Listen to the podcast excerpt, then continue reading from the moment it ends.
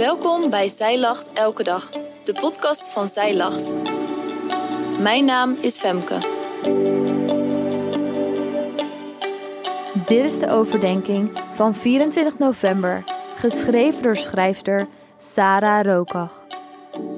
Het Loofhuttenfeest ligt alweer even achter ons, maar tijdens dit feest wordt het boek Prediker uitvoerig gelezen. Het komt ieder jaar weer terug, maar dit keer liet het mij niet los. Hoewel Prediker eigenlijk vooral beschrijft hoe nutteloos het leven is, viel mijn oog op vier versen die juist gaan over blijdschap. Wat zijn volgens Prediker de drie sleutels tot blijdschap?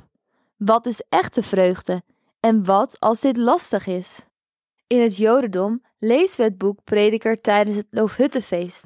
En dat is op zijn zachtst gezegd vreemd, omdat er juist geschreven staat dat we ons moeten verblijden tijdens het Loofhuttenfeest. In het Hebreeuws staat er zelfs in de gebiedende wijs. En toch lezen we Prediker, waar het meer gaat over de ellende van het leven dan over iets waarvoor we over zouden kunnen verblijden.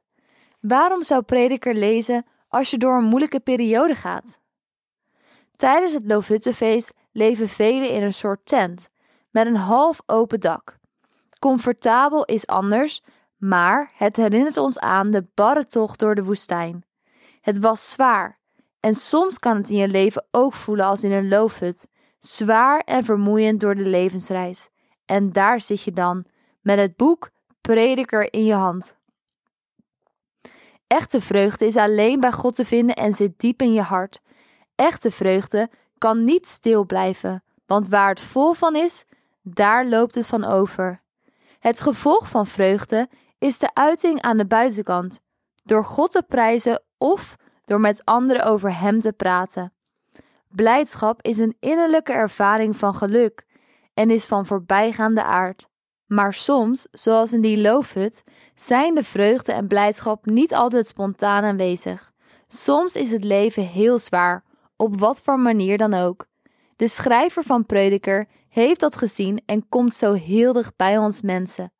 Hij herinnert ons aan een aantal praktische basisbehoeften om door die zware periode heen te komen, om uiteindelijk weer die echte vreugde te vinden.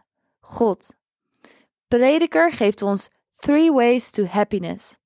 Als eerste in Prediker 9, vers 7. Ga u weg. Eet uw brood met blijdschap. Drink uw wijn met een vrolijk hart. Want God schept al behagen in uw werken. Vreugde is volgens Prediker allereerst jezelf voorzien van eten en drinken. Eet, drink en geniet daarvan. Zorg goed voor jezelf en wees lief voor jezelf.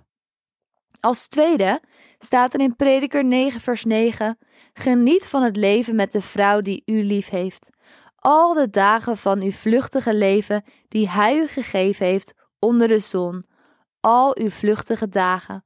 Want dit is uw deel in het leven en bij u zwoegen waarmee u zwoegt onder de zon. Vreugde is genieten van degene die je lief hebt. Familie, vrienden, partner, man, vrouw, kinderen en vul maar in. Ga niet alleen door het leven. Prediker wens jouw mensen om je heen, die dicht om je heen staan, met wie je lief en leed kan delen. Door middel van gezonde relaties zal je emotionele vreugde vinden.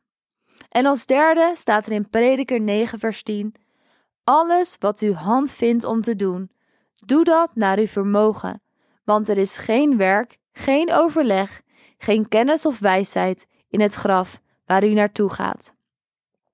Vreugde is je best doen voor de dingen die je tegenkomt in het leven. Studie, werk en al het andere waar jij je voor inzet. Ga ervoor. Gebruik je talenten. Eten, drinken, een goede dagelijkse verzorging, relaties, het sluit aan op hoe God het heeft bedoeld. We mogen genieten van Gods schepping.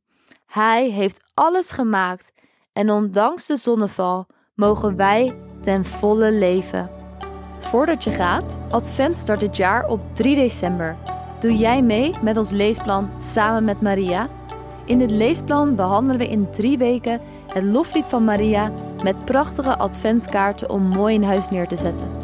Bestel via onze webshop voor 9,95 of doe gratis mee via de blog of podcast. Dankjewel dat jij hebt geluisterd naar de overdenking van vandaag. Wil je de overdenking nalezen? Check dan onze website. Je vindt er ook meer toffe dingen die jou helpen om de Bijbel vaker te openen, zoals boeken, Bijbels, cursussen en evenementen. Morgen ben ik weer bij je terug met een nieuwe overdenking. Tot dan!